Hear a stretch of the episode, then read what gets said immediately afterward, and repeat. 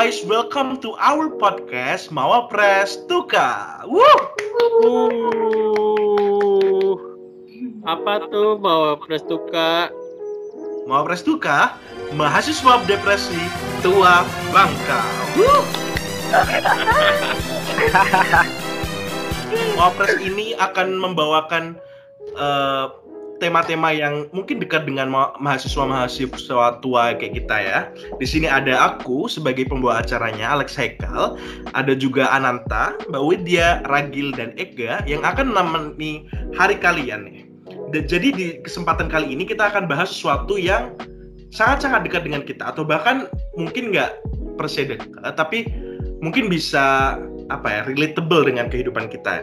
Apalagi tentang mental health nih. Lebih secara spesifiknya tentang self harm. Mungkin uh, banyak dari kita belum uh, berani atau bahkan nggak tahu tuh uh, berdiskusi tentang self harm itu apa atau bahkan nggak tahu bentuk self harm itu apa kayak gitu.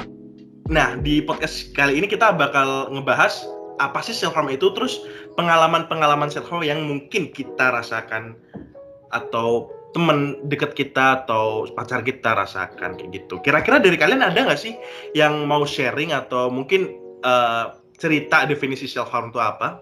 Uh, kalau menurut aku ya uh, self harm itu biasanya dilakuin untuk melampiaskan atau mengatasi emosi gitu berlebih yang lagi dihadapi sama seseorang. Misalnya kayak dia lagi stres, dia lagi marah, dia lagi sedih, dia lagi bisa aja gara-gara lagi kesepian, lagi putus asa, bahkan gara-gara benci sama diri sendiri. Nah, self uh, bisa juga sebagai cara untuk mengalihkan perhatian dari pikiran yang. Kalau menurut aku sih. Hmm, setuju, setuju, setuju sama Kak Widya.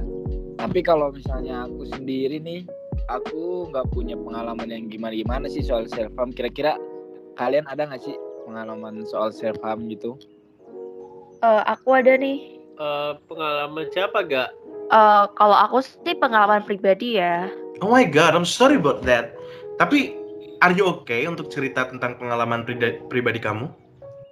Oke, okay, uh, aku cerita ya. Jadi okay. ini tuh dimulai dari waktu aku masih maba. Jadi aku ini orangnya tuh susah buat terbuka. Suasana kampus tuh benar-benar asing kayak teman baru, terus tempat tinggal juga di kosan sendirian gitu. Aku merasa asing banget sama keadaan dan aku akan apa ya cenderung pasti maunya sama yang kenal-kenal aja lah ya sebagai anak yang susah terbuka. Jadi mungkin waktu itu karena suasana baru, aku tuh merasa kosong setelah masuk kuliah. Nah, kekosongan ini aku tuh jadi gak stabil secara emosi. Jadi dulu aku tuh suka kayak nangis tiap malam sendirian di kamar gitu loh. Nah, aku dulu tuh punya pacar kan. Si dia inilah yang aku mintain buat temenin terus tiap kelar kuliah untuk mengisi kekosongan itu. Entah buat makan bareng atau cuma kayak sekedar naik ride doang gitu tapi karena dia waktu itu sibuk kebetulan dia juga jurusan teknik di apa ya dan kita beda univ pasti kan kegiatannya pun juga sampai malam kan ngurusin kuliahnya nah ini membuat dia tuh nggak bisa selalu nemenin aku nah karena dia nggak bisa nemenin aku aku tuh kayak ngerasa marah dan sedih yang berlebihan gitu sampai akhirnya tuh emosi aku tuh nggak bisa aku luapin dengan cara nangis doang dan berakhir ngelakuin cutting di tangan kalau lagi emosi berlebihan gitu Oh my god. Terus uh, kayak lu cutting gitu tuh yang lu rasain apa gak? Maksudnya kayak sakit kah atau ya pasti sakit ya? Maksudnya selain sakit lah gitu. Aku waktu ngelakuin ya jujur sewaktu aku ngakuin tuh gak ada rasanya sama sekali. Kayak beneran pas waktu aku ngelakuin cutting tuh mati rasa total. Jadi kayak tiba-tiba aja kayak loh kok udah banyak nih bekas nih? Kok banyak banget sayatannya jadi kalau misalkan berangkat kuliah gitu bakalan pakai baju lengan panjang buat tutupin lukanya pakai concealer karena kan biasanya kalau masih fresh gitu kan dia agak timbul ya. Jadi kayak buat nutupin ke anak-anak angkatan kayak waktu berangkat kuliah gitu. Kayak rasa sakitnya itu tuh nggak ada waktu selama waktu aku ngelakuin ya. Nah tapi kayak cuman lega setelah ngakuin terus kayak baru akhir-akhirnya nyeri-nyeri dikit kayak gitu. Uh, terus terus kamu nyadar gak sih kalau itu tuh kayak sesuatu yang nggak wajar buat dilakuin gitu dulu tuh aku eh, nggak uh, mikir kalau itu tuh sesuatu yang uh, gak wajar dulu aku mikir rasanya tuh kayak oh mungkin ini tuh cara aku buat cop up sama perasaanku, buat ngeluarin unek-unek aku. Sampai di suatu saat ini ada temanku nih uh, ngegap sama bekas lukanya. Jadi temanku ini kebetulan jurusan psikolog, nginep di kosanku. Semalam sebelum dia nginep, itu aku ngelakuin cutting. Kan bekasnya masih kelihatan ya. Nah, kita ngobrol tuh banyak, eh dia ngeh sama tanganku kok bekasnya banyak. Kan kebetulan aku juga pakai lengannya tuh yang pendek gitu. Terus nggak banyak uh, tanya dia langsung ngajak aku buat ke jasa psikolog kampus. Nah dari situ aku kayak baru sadar kayak oh ini tuh nggak wajar ya ternyata kayak gitu. Terus uh, gak abis ke psikolog itu ada yang beda nggak? Berhasil gak gitu setelah konsul sama dosen psikolog itu ya kayak aku masih berada di tahap oke, okay, ini kayaknya ya, aku perlu perhatian khusus pada diriku sendiri. Karena aku ngerasa sikapku kemarin tuh nggak bener. Kayak nangis berlebihan, sampai cutting, marah-marah ke pacarku. Itu tuh nggak wajar. Dan aku harus mengubah itu demi kebaikanku sama pacarku. Karena gimana lagi ya, kayak dia yang paling sering ngadepin aku waktu kacau kan. Jadi aku nggak mau lah uh, hubungannya dikatain toxic gitu. Jadi dari situ aku mau jadi the better versions of myself gitu karena permasalahanku adalah merasa kosong, aku disarani untuk ikut kegiatan setelah kuliah. Terus aku cari tuh kesibukan.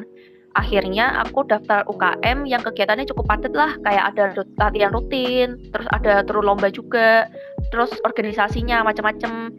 Jadi aku ngerasa uh, lebih ada kegiatan, aku ngerasa kayak lebih mandiri sejak saat itu. Istilahnya aku udah bisa lah adaptasi sama lingkungan baru, lingkungan kampus. Jadi enggak sesetres dulu aku sebelum masuk UKM. Hmm, see. Jadi UKM itu jadi semacam coping mechanism ya. Tapi uh, kamu setelah masuk UKM itu masih melakukan self harm gak sih? Nah, itu permasalahannya.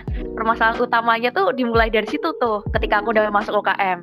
Justru ketika aku merasa semua baik-baik aja nih, puncak dari menyakiti diri sendirinya tuh berada di tahap ini kayak di chap apa ya di chapter of my life yang seri ini gitu. Kok bisa gak? Iya kan masalahnya juga udah kelar kan? Ya aku juga mikirnya gitu sih. Tapi ternyata setelah aku menjadi lebih baik, gantian pacarku yang berada di posi posisiku yang dulu. Jadi akunya sibuk, dianya yang merasa kosong. Muter deh itu siklus setannya. Jadi kegiatanku, apalagi persiapan lomba dulu ya, kan uh, uh, apa namanya kuliah, terus pulang kuliah istirahat dua jam, terus habis itu latihan lagi sampai jam 12 malam baru pulang setelah pulang berantem lewat chat kayak gitu terus siklusnya. Oh nah, dia tuh pernah marah-marah sama aku gara-gara aku update story ketawa bareng sama teman-temanku, aku update tentang kegiatanku. Dia marah karena aku ngerasa uh, dia ngerasa kalau misalnya aku tuh seneng ketika dia tuh lagi sedih sendirian gitu. Dia marah ketika aku tuh uh, lebih produktif dibanding dia. Kenapa nggak kamu mutusin pacarmu itu waktu itu? Nah, dulu tuh aku pernah sempet kayak berantem gede gitu karena aku sibuk ya. Terus udahlah kita, uh, aku tuh pengen minta putus gitu. Dianya nolak. Nah, dia nolak, dia neror telepon terus, ngancem kalau nggak angkat telepon, dia bakal cutting sebanyak uh, aku nggak ngangkat teleponnya. Karena aku nggak mau dia kayak gitu ya. Uh, karena kan itu aku tahu itu sesuatu hal yang yang harusnya nggak dilakukan. Ya udah, akhirnya kita baikan lagi. Tapi sejak saat itu aku baru sadar kalau aku tuh jadi takut sama orang kayak aku takut dipandang salah kadang masuk ke kampus tuh rasanya takut gitu kayak sampai tangannya tremor sepanjang di kampus dedekan karena takut orang tuh asumsi jelek tentang aku yang sebenarnya juga nggak ada yang ngelakuin itu gitu ternyata yang apa ya yang coba si cowokku ngasih persepsi aku tuh salah itu tuh teraplikasi ke semua orang aku merasa kayak orang tuh menganggap aku tuh salah kayak gitu oh I see kayak Eh, kamu udah putus belum sih sama dia? Untungnya sih kita udah putus setelah pacaran oh, 2 tahun. Jadi pacarmu tuh kayak nge-gaslighting kamu gitu ya? Kinda. Hmm. Gak tahu tapi iya, I think. Wih, parah sih ya. Tapi sekarang gimana? Setelah lu putus gitu udah baikan apa gimana? Aku setelah putus personal itu lega banget. Kayak ah akhirnya bebanku berkurang nih. Kayak finally I can be free gitu ya. Tapi ternyata mental stateku nggak bisa langsung yang kayak oke okay, nggak ada beban lagi kayak gitu. Setelah putus aku tuh masih takut buat berangkat kuliah masih takut sama orang. End up aku tuh sering bolos kuliah karena ketakutan itu. Sampai at the moment aku sempat ambil panadol satu pack kayak isinya yang isi berapa gitu kan aku minum sekaligus karena aku tuh pengen hilang saat itu. Oh my god. That was horrible. Kayak kamu berusaha untuk overdose diri kamu sendiri. Were you okay? Ya untungnya sih waktu itu aku ngalaminnya overdosis ringan ya. Jadi kayak I was fine at the time. Tapi aku sadar kayak my behavior is getting wilder than before kan. Kayak dulu kan cuma cutting ya. Ini sampai ambil panadol nih kayak tekad banget bro gitu kan hmm. dan physical symptomsnya tuh was also there karena aku bisa aja tiba-tiba sesak nafas di tengah kerumunan orang-orang tremornya juga nggak bisa dikontrol lagi karena itu apa ya sesuatu yang beyond my control aku akhirnya ke psikiater buat terapi konsultasi dan obat buat bantu aku kontrol diri Terus abis itu gimana gak abis ke psikiater? Mendingan apa kamu juga tetap kayak gitu? Uh, setelah aku ke psikiater tuh aku merasa berada di tahap recovery dari semua hal ini ya.